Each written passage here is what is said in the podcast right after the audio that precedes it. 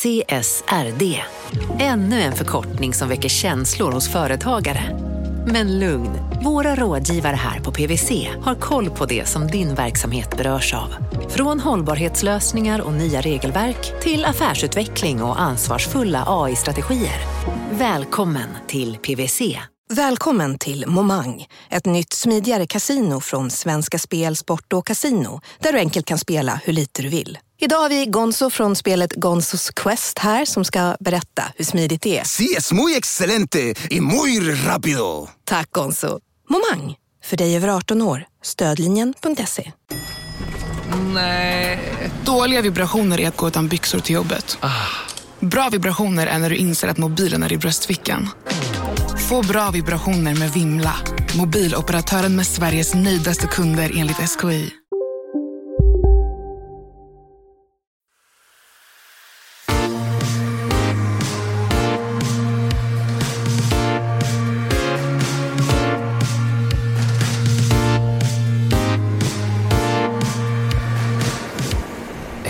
Och varmt välkomna tillbaka till De kallar oss krypto, säger vi till er som följer podden och har ni precis börjat lyssna så varmt välkomna till De kallar oss krypto, eh, den ultimata eh, podcasten för dig som vill lära dig allt och lite till om krypto. Ja, och eh, vi befinner oss just nu mitt i någon slags bildningsresa, kan man kalla det det? Det gjorde man på 1800-talet när man åkte tåg runt i Europa och besökte olika universitet. Jag känner att det är det vi håller på med ungefär. Ja, vi åker med olika eh, hållplatser i, i kryptovärlden och, eh, och lär oss på de här olika stationerna som kan vara allt från non-fungible tokens till decentraliserad finans till blockkedjeteknik och så vidare. Alltså det, det, den här världen är ju oändlig. Mm. Ska vi säga vilka som är reseledare på den här, eh, den här bildningsresan då? Vad heter du? Eh, jag heter Mårten Andersson och eh, de flesta känner nog mig som, som komiker och kanske killen bakom Raw. Men, eh, men sen eh, 2020 stor kryptofantast. Just det. Och jag heter Gunnar Harjus och är ekonomijournalist. Och Eh, hörs eh, i den fantastiska podden Kapitalet om man eh, inte känner att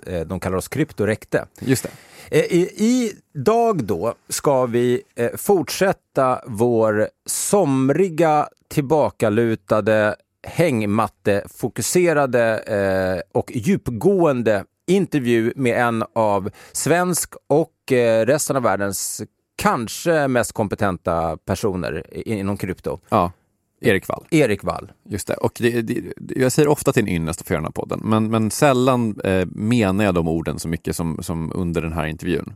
Ja, eh, alltså vi, vi satt i, alltså det var verkligen som, jag skojade i början innan vi började spela in eh, avsnitt ett, idag kommer det vara avsnitt två, eh, att det kändes som eh, Lex Friedman, som ni också kan kolla upp, en fantastisk youtuber eh, som intervjuar de absolut största inom krypto. Han gjorde ett, ett avsnitt med Charles Hoskinson, grundaren av eh, eh Cardano eh, som tidigare var med i ethereum. Och då, den intervjun var fem timmar lång. Vi har suttit med Erik Wall nästan lika länge eh, och vi har mer eller mindre suttit och gapat. Det kan ni se om ni tittar på det här istället för lyssnar. För så intressant är det. Och Just- idag fortsätter den intervjun. Just det. Så eh, take it away Erik helt enkelt. Ja, vi kör.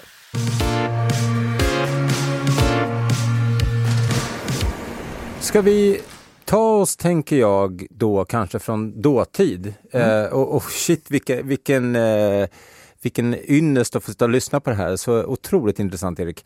Eh, men från dåtid då, kanske in i nutid? Ja, eh, jag tänker att vi, det är liksom två eh, jag tänkte vi kan lägga upp det liksom att eh, vi, vi, vi säger lite olika buzzwords och så får reagera på, på nutids eh, eh, händelser kan man säga. Och, som du var inne på så har, som du började med att beskriva det senaste året så, som det bästa bitcoin-året någonsin så tror jag inte så jättemånga tänker på det just nu. Men, men vi får inte glömma den stora håsen som ändå har varit. Vad, vad, vad är dina tankar kring, kring den? Alltså om vi pratar om nutid. Jag skulle gärna då vilja ta med coronakrisen. För det där, coronakrisen har ju öppnat ett helt nytt kapitel i bitcoins historia och eh, ja, som fenomen, som allting egentligen.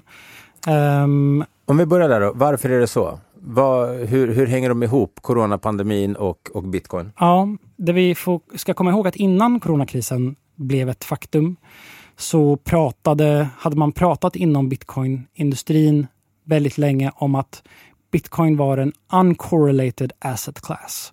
Det var alltså någonting som inte var kopplat till något visst lands export eller det var inte kopplat till några, någon klassiska liksom makroekonomiska eh, händelser. Det var, liksom, det var bara på internet och därför så var den okorrelerad. Eh, lite grann som guld är att det är inte heller liksom knutet till ja, men, olika länder som går i krig eller exporter av olja och sådana saker.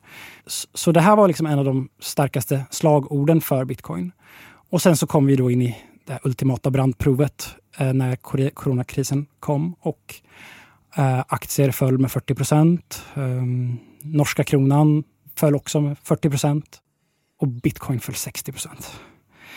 So much for uncorrelated asset class. Mm. Den här hedgen eller försvaret mot, mot makroekonomin. Ja, precis. Så den, det var ju extremt, extremt eh, plågsamt eh, läge. Men vi som satt och analyserade det här liksom på detaljnivå gjorde ändå bedömningen att men, anledningen till att bitcoin gick ner så pass mycket, det fanns flera faktorer till det. Eh, en av de faktorerna är att eh, bitcoinbörsen, eller alltså bitcoin, bitcoinbörserna är ju online 24-7. Så de är ju online dygnet runt. Eh, och om du, har, om du är en fond till exempel, du har massa olika tillgångar. Eh, du kanske vill sälja dina aktier, men eh, den amerikanska börsen kanske är stängd. Men dina bitcoins kan du alltid komma åt och sälja. Så bitcoin var liksom det lätt... För det första så var det liksom en spekulativ tillgång för många eh, och så var det också den tillgången som var liksom enklast att likvidera. Eh, och det här gjorde att det skapades något som kallas för eh, cascading liquidations. Som vi har varit inne på så är det många som handlar med hävstång i bitcoin folk nöjer sig inte bara med att bitcoin går upp liksom 100% och ner 50% eh, inom en vecka, utan folk älskar att spekulera det här så mycket så att det finns ju börser där du kan ha 100 gånger hävstång på bitcoin. Eh, så det var många personer som låg i hävstångspositioner i bitcoin.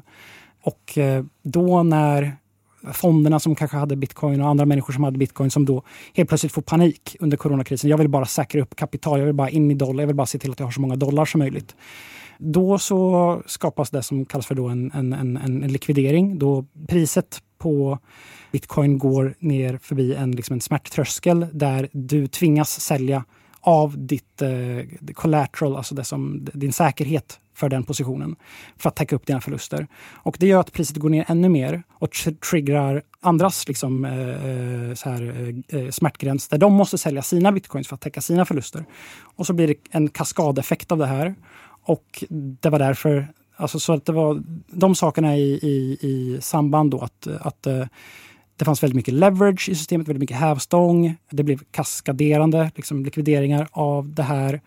Eh, samtidigt som bitcoin var det tillgångsslaget som var enklast att sälja av.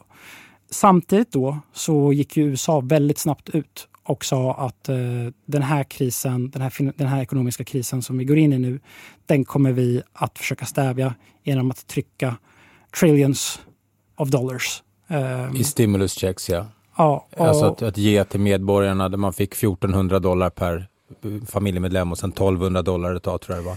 Precis, och det är ändå den, den, den lilla delen av, det stora programmet som eh, USA lanserar. De, eh, den amerikanska centralbanken Fed går ut och eh, för första gången i världshistorien lovar eh, unlimited, eh, alltså obegränsat med eh, stimulation till den amerikanska ekonomin. Alltså, eh, vill en bank skapa pengar och behöver låna av Federal Reserve så finns det obegränsat med pengar. Mm. Och så började de ju köpa upp allt möjligt. De köpte junk bonds. Junk bonds, de köpte bostadsobligationer, de köpte företagsobligationer, de köpte allt, allt, allt. Ja, och det kom ju flera, jag vet inte om det var två trillion dollars som de först tryckte och sen så kom det ytterligare två trillion och Sen så var vi uppe i 6 trillion dollars. Eh, om man tittar på eh, M2 som är eh, det monetära aggregatet för hur många dollar som finns ute i cirkulation så ökade ju det under tidigt, alltså i, i coronakrisen, så ökade penningmängden, dollarpenningmängden med 25 procent. Så alltså en femtedel av alla dollar som finns idag, nu tror jag att det är ännu mer, att det kanske till och med en fjärdedel av alla dollar som finns idag skapades under coronakrisen. Det är exakt det här som bitcoin ska vara ett verktyg mot. Att ifall centralbanker trycker massa pengar, vilket gör att värdet på pengar kommer att urholkas eftersom att man liksom ökar mängden av de pengarna. ja, då ska bitcoin finnas där som ett, och det är det som guld är till för. Liksom, att, eh, guld går inte heller liksom trycka en 25 procent på ett år bara för att en centralbank tycker att det är liksom politiskt eh, försvarsbart att göra det. Eh, så bit, bitcoin, alltså allting såg ju egentligen, eh, mitt under den här värsta krisen, så trycker ju centralbankerna så pass mycket pengar att det här förstod, förstod ju många av oss då. Och vi blev ju, uh, Mike Novogratz, Arthur Hayes och även jag då på svensk arena blev liksom uppringda av olika ja, typ Dagens Industri och sådana tidningar, CNBC, som, som frågar vad, vad tror du liksom ska hända med bitcoin nu? Nu ligger vi nere på eh, 4 000 dollar och eh, alla vi eh, höll med varandra om att bitcoin kommer stå i, på toppnivå vid slutet av det här året. Eh, för att vi går, in, vi går in i exakt det här guldläget som, som bitcoiners alltid har drömt, eh, drömt om att eh, ja, inte att det ska vara liksom en global pandemi, men alltså ett, ett läge för bitcoin att visa eh, vad det är bra för. Och det är ett sätt att lagra värde som inte kan spädas ut av någon centralbank. Och vi har sagt det massa gånger i podden, men vi kan väl ändå lägga till det. Det kommer aldrig någonsin finnas mer än 21 miljoner bitcoin. Alltså en e, e, extremt stor skillnad då mot eh, en centralbank som eh, till exempel USA eh, printar pengar i oändlighet. Och du får ju också eh, rätt i det här. Bitcoin står på eh, all time high i slutet av 2020.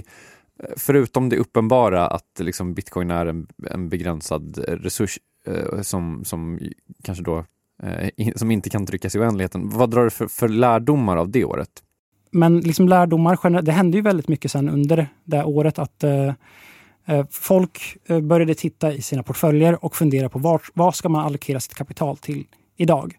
Aktiemarknaden återhämtade sig ganska snabbt efter att man började komma ut med de här stödpaketen och gick faktiskt förbi all times high på liksom ganska kort tid. Jag tror redan vid eh, augusti så var liksom i alla fall teknikaktier på sina, sina all times highs igen trots att liksom hela världen var i en ekonomisk kris eh, så hade vi riktigt höga aktievärderingar.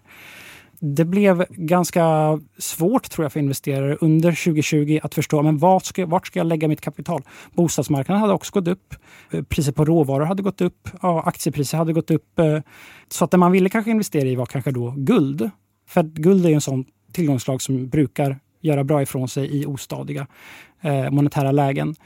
Och nu så samtidigt så fanns ju nu, då hade precis bitcoin hade precis blivit så pass välkänt i folkmun och så pass eh, utbrett och allmänt känt som ett digitalt alternativ till guld.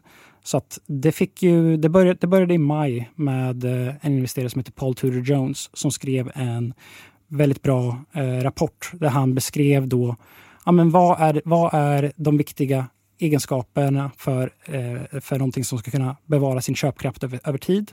Gick igenom massa olika monetära instrument. Och så identifierade han då bitcoin som ett digitalt guld och att hans, hans och han, Paul Tudor Jones, en sån känd hedgefondmiljardär eh, som har liksom ett stort namn i finansiella kretsar. Eh, han skrev liksom att hans bedömning är att i ett sånt här läge då ska man satsa på den snabbaste hästen och om han måste satsa på vilken den snabbaste hästen kommer vara så kommer det vara bitcoin. Och, eh, eh, var det i den här vevan som han också sa att 1% av ens portfölj borde vara bitcoin åtminstone? Ja, han köpte ju själv 1-2 procent eh, bitcoin. Det är ju nu senaste dagarna som man har sagt att, ja, 5 att, det, ska, att det ska vara 5 procent. Men det, det, öppnade, det här Paul, Paul Tudor Jones, han var liksom startskottet. Eh, och sen så, så hörde vi liksom bara miljardär efter miljardär som... Det blev liksom helt plötsligt eh, okej okay att ta bitcoin på allvar. Alltså tidigare så hade ju retoriken kring bitcoin varit så mycket fokuserad på eh, brottslighet och penningtvätt, eh, penningtvätt och, och sådana saker. Eh, men nu så var det här helt plötsligt någonting som seriösa, liksom de, de smartaste finansanalytikerna i världen tyckte hade en rimlig eh, plats i en sofistikerad eh, investerares portfölj.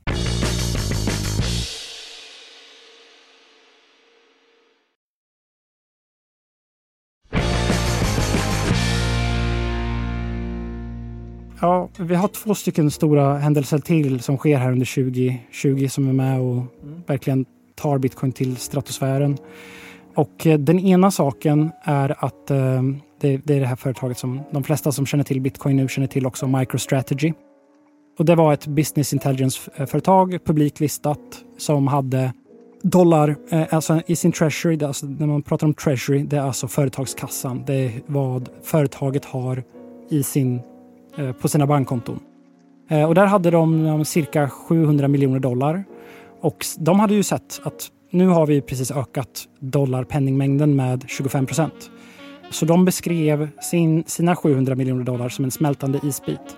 Och de visste inte heller liksom, vart ska vi... Ja, men vi behöver ju ha det här kapitalet. Vi vill ju ha kvar den här eh, köpkraften eh, i vårt eh, företag. Vad ska vi allokera till för att eh, bevara värde? Och de gjorde någonting som nu eh, kanske kan anses som ganska sjukt, att de köpte bitcoin för alltihop.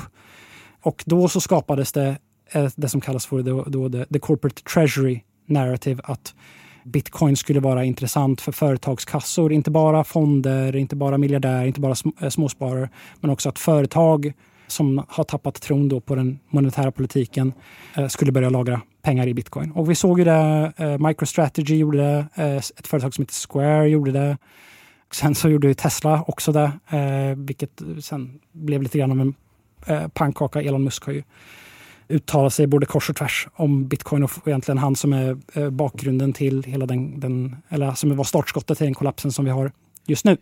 Det, det är bara flika in lite grann att eh, vårt orakel här, eh, ett av våra två då, det är Anna Svan och Wahitosi, eh, det var ju just den här grejen du berättar om MicroStrategy och eh, eh, det här, nu vet jag inte det engelska uttrycket, eh, Treasury... Corporate Treasury. Corporate Treasury. Mm. Det var ju det klippet som Wahid skickade till mig. Det var en intervju med just Ross Stevens mm. då på Nydig och mm. Michael Saylor där de just pratar om om det och han säger bland annat då, eh, när de pratar om det här, att eh, som VD så förväntas man ju tjäna pengar till sitt bolag. Men man pratar inte alls lika mycket om hur man förvaltar sina pengar. Och just den här smältande isbiten. Mm. Eh, och det var ju det som fick mig, det var nog min aha-upplevelse, eller första i alla fall, med, med bitcoin att förstå att oj, mina pengar sjunker i värde när de står på min bank kontra att investera då i, i, i bitcoin till exempel.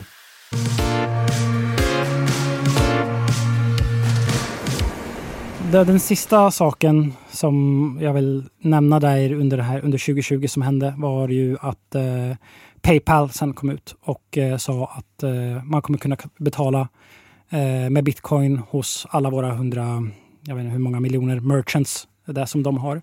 Och Paypal hade ju varit under en lång tid liksom fientlig och kritisk mot bitcoin. Eh, så ja, alltså mm, alla de där sakerna i, i, sammantaget, att det var nu så många stora namn så att det gick liksom inte... Det började nästan bli lite, lite grann pinsamt eller konstigt att säga att man inte fattade bitcoin. Jag har liksom aldrig känt mig så liksom euforisk kring bitcoin som jag gjorde då. För att jag, då liksom, när allt det här höll på att ske, eh, december 2020, så, så började jag nästan luta mig tillbaks i stolen och tänka att bitcoin har vunnit matchen nu på något sätt. Så kommer en rak uppercut som man inte ser komma. Eh, vilket, eh, du får stoppa mig om du vill fylla i någonting innan. Mm. Men, men den uppercutten blir ju en, eh, där vi kanske är idag. Början av eh, mitten-ish av 2021. Där bitcoin då faller och faller och faller och är nere 54 procent ett tag och Eh, bara häromdagen, igår, utifrån när vi spelar in det här, så var bitcoin nere och touchade till och med under 30 000 som har fungerat som det sista golvet om man så vill mm. och var nere på 28 000 dollar. Vad, eh, vad säger du om, om, om, om det? Blev du överraskad? Vad är, vad är dina tankar kring den krasch som vi någonstans fortfarande befinner oss i, även om bitcoin har eh, jobbats upp till 34 000 dollar när vi spelar in det här? Ja, alltså jag, ehm, jag twittrade till exempel på 50 000 dollar och sa att nu tycker jag att priset på bitcoin är rimligt. Ja, om jag tittar på bit, eh, bitcoins market cap, alltså börsvärde i relation till guld, så då var vi kanske på 7-8 procent eller något sånt.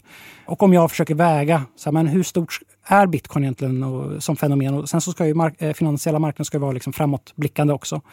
Uh, och jag kände att ja, men 50 000 där så var det liksom, det var inte hybris.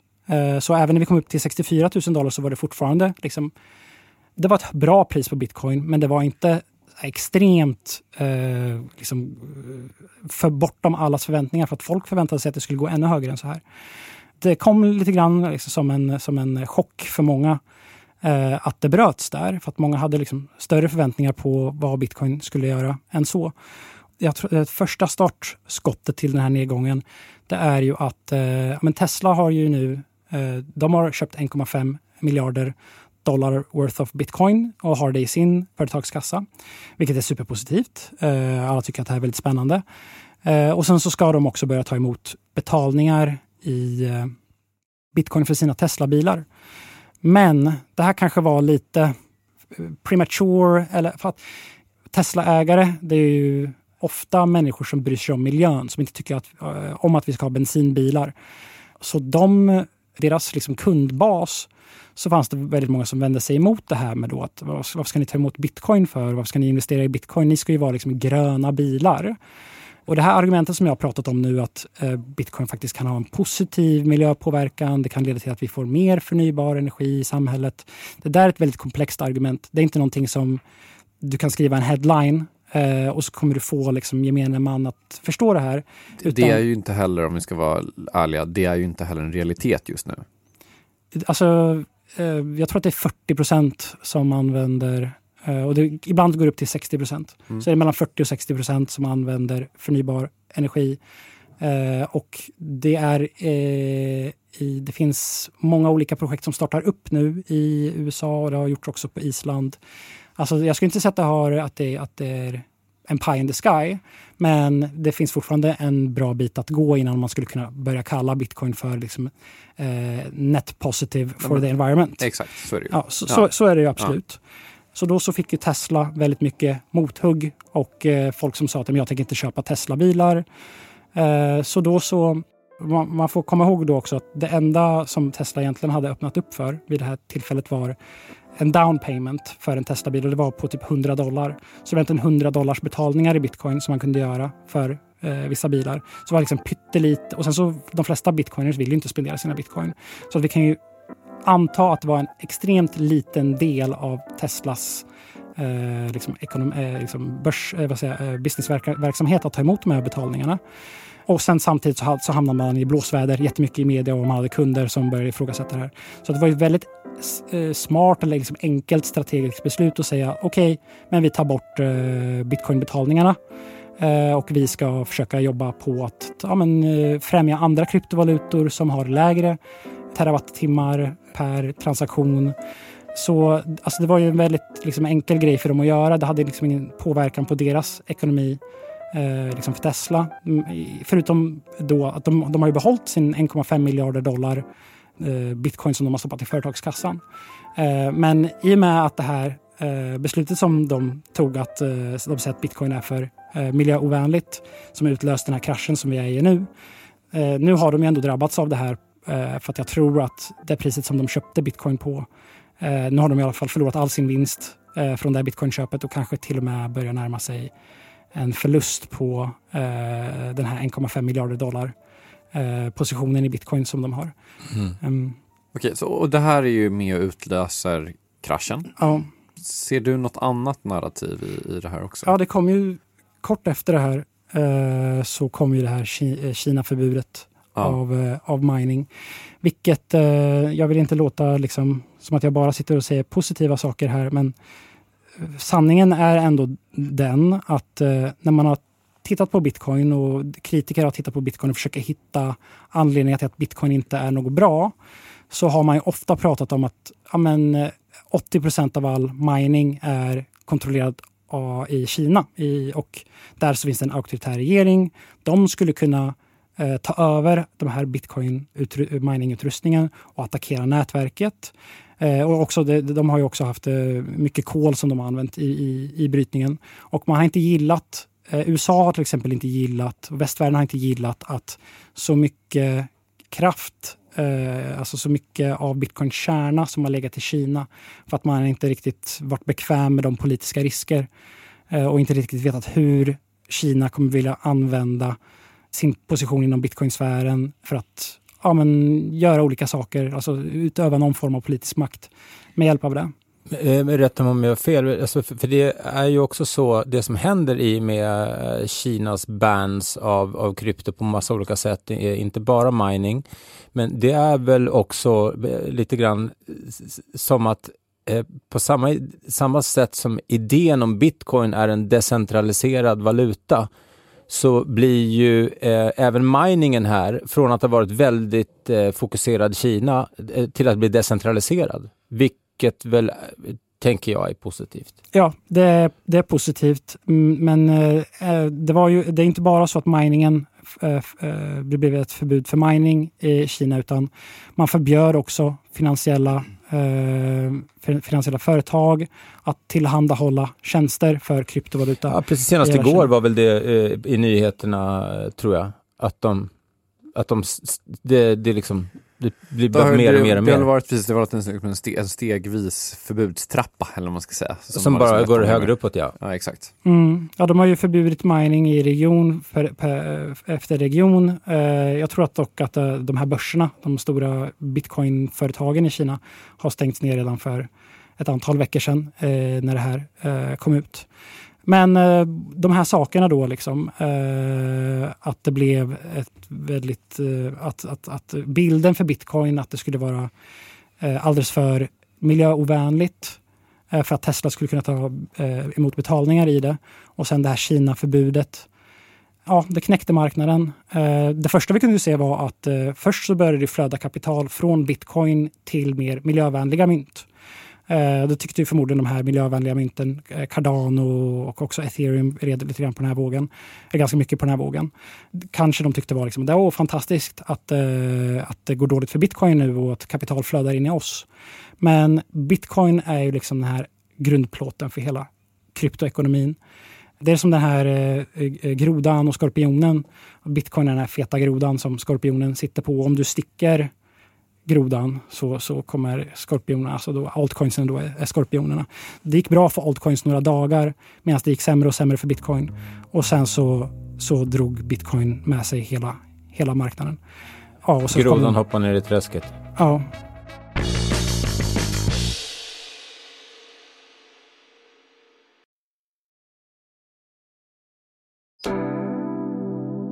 Men man tänker, man undrar ju också som, om jag bara går till mig själv, jag ser mig som en av våra lyssnare här som är, är ny in i gamet och, eh, och så hör man ju då eh, på Twitter framförallt det här buy the fucking dip och buy the dip och så vidare. Och jag har ju, fler, som flera av mina vänner, vi, vi har ju trott att vi har köpt dippen ett antal gånger. Och så har det bara gått lägre och lägre ner och man har skrikit och varit arg på de här valarna som, som, som kontrollerar oss och, och leker med oss som småfiskar, de småfiskar vi är. Men det, den botten vi såg här på 28 000, eller jag säger botten, jag kanske har helt fel. Va, va, vad tror du? Har vi sett botten och vi ska uppåt eller var är vi i marknaden? Um, alltså man blir nästan alltid lite fartblind när man befinner sig i, just i det. Men jag kan säga att jag sa för... Um, alltså när vi hade den första kraschen i maj ner till ja, 30 000 dollar så funderade jag på, men är det här ett läge där jag ska öka, liksom ska jag lägga på en leverage-position? Och, eh, och det här är liksom, jag har inte några eh, liksom exakta argument till varför. Eh, men jag har ju sysslat med liksom bitcoin trading i ja, nästan tio år nu. Och eh, jag vet inte om man kan liksom få en intuitiv känsla för mm, eh, att när, när det är en dipp, när det är en riktig dipp, eh, och det är då det jag, jag sparar liksom mina dippköp till de här lägena då folk verkligen lider. Alltså då, då, då, för att, om, om folk inte lider, då kan jag bara ligga med mina, mina bitcoins. Men om jag ska nu öka hävstång och liksom satsa på att priset ska, gå upp, då så vill jag se att, eh, alltså att det verkligen är misär i, mark i marknaden. Och det tyckte jag inte att vi såg där. Alltså jag, det, var, det var ett skarpt hugg i, i maj. Liksom. Det gjorde ont. Men nu så, så och jag sa då att jag vill, jag vill se ett steg ner. Eh, och vart sätter vi där då? Kanske, kanske på 27 000 dollar. Nu när vi är här, nu är vi exakt i det här läget som jag trodde skulle hända. Eh, vi gick inte ner till exakt till 27 000, men jag tror vi gick ner till 28 000. 28 3 och sånt där. Ja. Om jag ska gå tillbaka till min föregående, liksom, vad jag sa tidigare veckor då, så, så, så, hade jag, så, så tycker jag att det här är förmodligen liksom dippen här. Hur jag känner just nu att jag är ganska nervös här. Eh, jag har inte köpt dippen eh, än och väljer att fortsätta ha lite is i magen. Men, men jag känner liksom att jag kanske går emot mm, min, min egen tes att, att eh, dippen skulle vara här på, på, den här dippen som vi precis har haft. Så att, Mm. så att ja, alltså det skulle kunna vara dippen, att det är bot botten här. Den, den skulle kunna vara, vara nådd. Men eh, ja, alltså när, när, vi, när, vi, när vi hade den här eh, coronakrisdippen, och jag, då var jag liksom så att jag liksom pumpade ut mails och, och skrek till folk att nu måste du köpa bitcoin. Jag är inte där nu. Alltså nu, nu så tycker jag att bitcoin är billigt. Du kanske ska köpa lite bitcoin nu. Alltså det är ju, bitcoin som tillgångslag har ju exploderat verkligen under den här senaste tiden. Det här priset för bitcoin just nu är inte speciellt dyrt. Om du vill bygga ut en position i bitcoin så gör du nog ett jättebra beslut att, att bygga ut det under, eh, under 30 000 dollar. Men jag är inte på den nivån att jag liksom går och rycker i folk på gatan och säger "Varför- köper du inte bitcoin just nu? För att det, är- det är inte så mycket blod.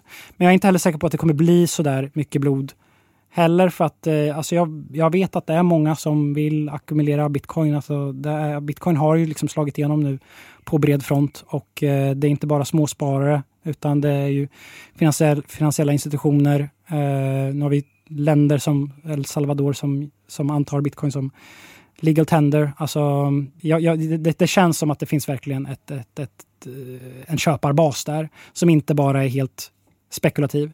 Man väntar ju också återigen, även om det har blivit uppskjutet ett par gånger på eh, de här eh, väl 9-10 ansökningar i USA om eh, bitcoin, eh, eh, det? exchange traded funds, Mm. där FANEC är den första ansökan. Det borde flöda in pengar där då. Men eh, jag, ska, eh, eh, jag misstänker att du inte gillar att sitta och gissa priser och sånt där, men, men eh, ska vi uppåt eller neråt? Vad tror du att eh, om året slutar på för, för bitcoin? För det första ska jag säga att jag vet inte. Men om jag måste chansa ehm, så tror jag att vi kanske kommer få lida här i den här regionen, alltså fort, fort eh, liksom vara runt 30 000 dollargränsen. Eh, och det kan vara så en, kanske en bra tid, det kan vara så i fem månader att vi tvingas stampa där. Sen så, eh, jag är fortsatt liksom long term bullish på bitcoin. Bitcoin idag är värderat till, börjar dippa under 5% av guld. Och eh, det tycker jag är för billigt eh, för bitcoin. Um, sen hur lång tid det kommer ta innan den här skräcken i marknaden försvinner och folk undrar, men var det... Alltså var, varje gång efter en sån här det blir uppenbart att vi är en bear market, då så tänker folk på tidigare bear markets. Och så är man väldigt rädd för att det ska bli en sån bear market. Och det kan göra att det kan bli ganska utdraget. Eh, men alltså jag skulle inte säga att, alltså jag skulle inte vara förvånad ifall vi skulle krascha ner till 23 000 eh, dollar under eh, de här kommande månaderna.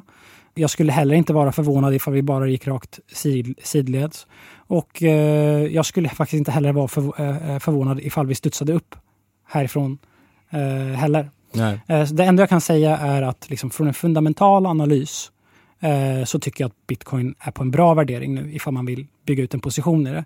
Eh, sen så måste man ha stål i magen, för det kan gå vilket håll som helst härifrån. Det finns ingenting som säger att eh, garanterat kommer gå upp eller att eh, garanterat kommer, kommer gå ner. Så Men om någon sitter på en middag eller någon kund i, som är med i din fond och de säger så här, men okej, jag vill veta om jag ska gå in och lägga mina pengar här och låta dig förvalta dem. Eh, Bitcoin är just nu på 30 000. Var kommer, var kommer min investering vara värd 31.12? Nu vet jag att inte ni jobbar kortsiktigt utan ni jobbar lång, långsiktigt. Men det är väl många som tänker, vad stänger bitcoin året på? Ja, när jag eh, säger till dem att eh, om du investerar i bitcoin och tror att du ska ha, eh, kunna förvänta dig vad priset ska vara, eh, ja, hur många månader blir det från det? Sex, sju Mm. Ja. eh, månader från nu, då så du kan inte göra den. Alltså du kan inte, du kan inte med någon säkerhet.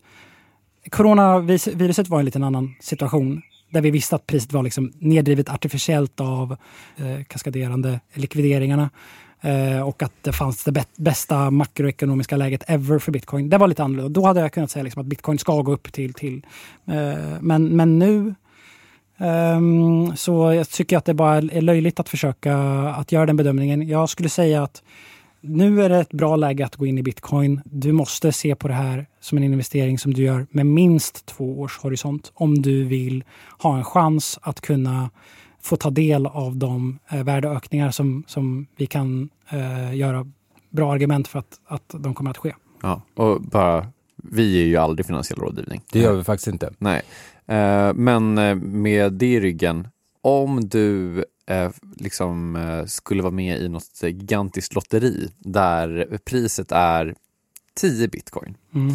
Och eh, den som eh, eh, vinner de här 10 bitcoinsen är den som kan gissa närmast vad bitcoinpriset är om fem respektive tio år. Vad kommer du skriva på, på dina estimat? Mm. Fem respektive tio år. Eh, jag måste tänka lite högt här då och gå igenom min eh, tankeprocess. Eh, jag tror att på fem års sikt så kommer bitcoin vara lika stort som eh, guld som tillgångslag. Och då så hamnar vi på ett, det beror på hur man räknar, men eh, 400 000 dollar eh, skulle jag kunna sätta på min femårs lott. Ja. Eh, men jag tror inte att bitcoin stannar där. Alltså för att man får ändå tänka att guld är ett ganska misslyckat tillgångslag. Kanske låter konstigt för folk att höra, men eh, Eh, guld är 10 eller 9 trillion dollars idag eh, och används som en store value, alltså värdebevaran, eh, ett sätt att bevara sitt värde över tid. Men den är egentligen inte speciellt framträdande om man tittar på vad finns det för andra värdebevarare, som, som, alltså vad, vad finns det för andra monetära eller finansiella tillgångar som används som värdebevarare. Jag skulle säga att men, om, ni, om ni frågar era föräldrar eller vi frågar våra föräldrar jag, har, jag sitter här på 10 miljoner kronor, vad ska jag göra? Då kommer de säga, men köp indexfonder, köp dig en bostad. Det är ju för att indexfonder och bostäder används som värdebevarare. Hur stora är de marknaderna? Den globala aktiemarknaden är eh, på 100 trillion dollar, alltså 10 gånger så stor som guld. Bostadsmarknaden tror jag ligger på 300 trillion dollar, alltså tre gånger större än vad aktiemarknaden är. Så då pratar vi ju om, istället för att prata om 10 trillion dollars, så pratar vi ju nu om 400 eh, trillion dollars. Men nu så tror inte jag att, att bitcoin skulle kunna Alltså det finns ju värde i aktier. Eh, eh, det finns en del som är liksom eh, premium för att folk bevarar värde i det, för att de använder det som ett verktyg för att bara lagra värde i.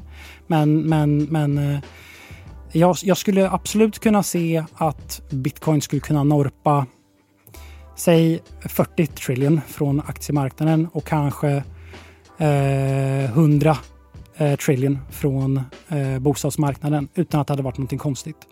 Klarar vi av att göra det på tio år? Det låter lite tidigt att bitcoin skulle liksom komma och norpa så, så, så pass stora tuggor på tio år. Men jag tror att vi börjar där, alltså att vi börjar den här norpningen.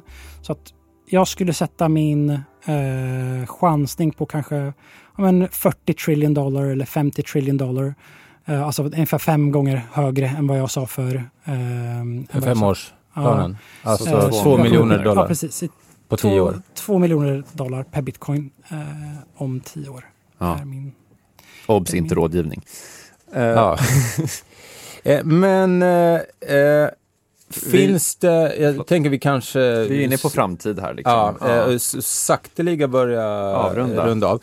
Men finns det några andra eh, eh, coins eller projekt om man så vill eh, som du eh, är, är nyfiken på om vi pratar framtid och som du känner att det här är värt att ha lite koll på? Mm.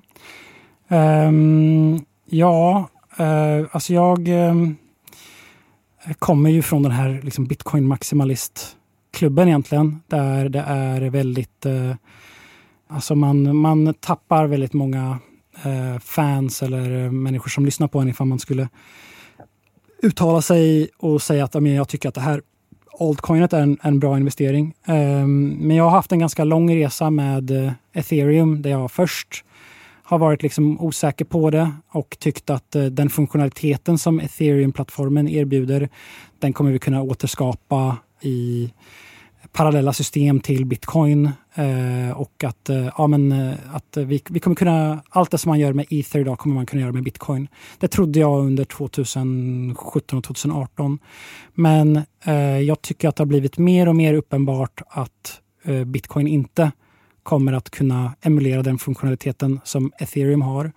Och eh, jag tror ganska mycket på eh, potentialen av det som ethereum-nätverket håller på att, att skapa. Om vi ska landa i, i originalfrågan här, som Mm. var eh, vilken altcoin tror du på? Mm. Eh, ethereum räknas väl knappt som en altcoin, men eh, det, det är ändå det som är ditt svar. Ehm, ja, alltså det är ju... ehm, tidigare så brukade jag prata om att uh, du, du har bitcoin och sen så har du privacy coins och sen så har du smarta kontraktplattformar. Nu har man börjat se att privacy coins eh, Eh, den funktionaliteten, alltså att du kan göra anonyma transaktioner, det kan du göra inuti de här smarta kontraktplattformarna också. Så att nu så är jag inte speciellt intresserad av, av just privacy coins som Zcash och Monero och så, så längre. Så att det är nästan bara bitcoin och eh, smarta kontraktplattformar för mig eh, som är relevant nu. Eh, dock inom, eh, nu är ethereum den största, den ledande Ja. smarta kontraktplattformen. Ehm, sen så om jag ska syssla med spekulering, eh, jag har ju, eftersom jag har ganska mycket kunskap just om eh, med smarta kontraktplattformar så ser jag hela tiden eh, liksom investment opportunities i, menar, att, i att kunna den- identifiera vilken av de här, för att ethereum har ju liksom sina skalbarhetsproblem. Det har varit avgifter på 40 dollar på transaktion och det har varit nästan helt oanvändbart. Så det, det, det finns väldigt mycket konkurrens kring ethereum också. Så att jag har eh, en position i bitcoin och sen så har jag en position i ether. Men sen så har jag också positioner i de här konkurrenterna som jag tror på eh, till ethereum. Eh, och det där utgör väl liksom eh, den absoluta majoriteten av eh, coins som jag tycker är intressanta. Sen så finns det Då en... pratar vi eh, Polkadot, Cardano. Inte just de två, men... Eh, eh, Du får inte säga låter det Nej, som. okej. Eh, Ja, ja, Vi jag, ska inte alltså, pressa jag, dig. jag, jag kan säga vilka som jag tycker är intressanta just nu. Eh, och det är ju de som har... Alltså allting handlar ju om eh, att bli ett centrum för det här decentralized finance-aktivitet. Nu har vi bara egentligen norpat lite grann på, på det där. Det finns hur mycket som helst att, att gå in på varför det är så, så spännande och intressant. Eh, men vilka plattformar förutom ethereum är det som har fått lite DeFi-aktivitet? Eh, jo, då så är det Binance Smart Chain som, eh, som, som, är, som, som var tidigast med att börja få den här aktiviteten och, och faktiskt komma upp i nästan lika stora eh, transaktionsvolymer eh, som ethereum. Eh, sen förutom det så är det Solana och Avalanche som, som är där idag. Eh, jag skulle inte rekommendera någon att liksom, gå och satsa stora pengar på det här. Eh, speciellt inte nu. Nu är ju liksom all, alla altcoins kanske, eller i och för sig, det kanske Kanske nu bra läge faktiskt att eh, om man vill eh, köpa lite altcoins. De har ju varit tokdyra nu senaste månaderna och nu så är de ju nästan tappat all den här uppgången som de eh, gjorde under den första delen av det här året. Eh, Så det kanske är bra läge att samla på sig lite sådana. Det finns en annan som heter Atom som jag också är intresserad av. Okej. f- nu gick det precis ett larm här utanför. Jag, jag tror att det larmet är nu är det dags att avrunda. Det kan vara så. Jag känner att vi har begärt så mycket av Erik nu att det är liksom... Eh, Eh, äh, men alltså vilken eh, ära det har varit att få ha, ha det här idag. Jag hoppas du känner att du fick, eh, alltså det finns ju såklart massor mer, men vi håller väl kontakten så får du komma tillbaka Ja. om du kände att du inte fick med det mesta. Men jag känner att jag har lärt mig enormt mycket idag. Jag med, verkligen. Och eh, jag känner också att vi får eh, bjuda in dig igen och ha ett eh, mer eh, kanske uppstyrt eh, avsnitt. DeFi-snack. Exakt, Mm. Mm. avsnitt om det. Ja, jag älskar ju att snacka om krypto så vi eh, kan ju eh, sätta en raincheck på den och ta den någon annan. Verkligen. Det låter jättebra. Jag tror inte att jag klarar mer information Nej, idag. inte jag behöver få lite frisk luft och eh, sen så eh, kikar vi på ett nytt datum som du får komma tillbaka igen. Mm. Men eh, när ni hör det här så var det förmodligen eh, uppdelat, tänker jag mig i alla fall, i, Det tror jag nog. åtminstone två avsnitt eh, med Erik Wall eh, som eh, gästade oss idag. Och eh, följ eh, Erik om ni känner för det på Twitter. Eller Mm. vad, vill, vill du pusha för någonting så på, innan vi säger hej då? Eh, nej, det är, det är eh, ERCWL eh, som är mitt Twitter-handle. Um, en sista grej som jag kan eh, plugga lite grann är att vi släppte nyligen en pressrelease, uh, vårt, min fond. Um, ja, ni känner säkert till att det finns certifikat som man kan köpa som trackar bitcoin, uh, trackar ethereum. Um, och vi har precis eh, inlett ett samarbete med den största leverantören av de här produkterna. Eh, och målsättningen är att man ska kunna köpa ett certifikat där eh, den fonden som jag förvaltar är det underliggande instrumentet. Och då så hade man kunnat ta det i sitt ISK-konto. Coolt. Jag hoppas verkligen att det ska kunna gå och leverera det till folk. För att min målsättning har alltid varit att jag vill liksom hjälpa så många människor som möjligt med att förvalta sina kryptopengar. Och eh, det här är det närmsta som jag har kommit. Och eh, finns det ett launch date och vad kommer den heta? Det finns inget launch date men det är Valor eh, som ställer ut den eh, ETPn. Eh, ja, kanske nästa avsnitt så kanske jag har mer detaljer att berätta. Coolt. Återigen Erik, eh, stort tack för att du tog dig tid och för eh, visdomen. Verkligen. Tack ska ni ha, det var supertrevligt. Hej då! Hej då!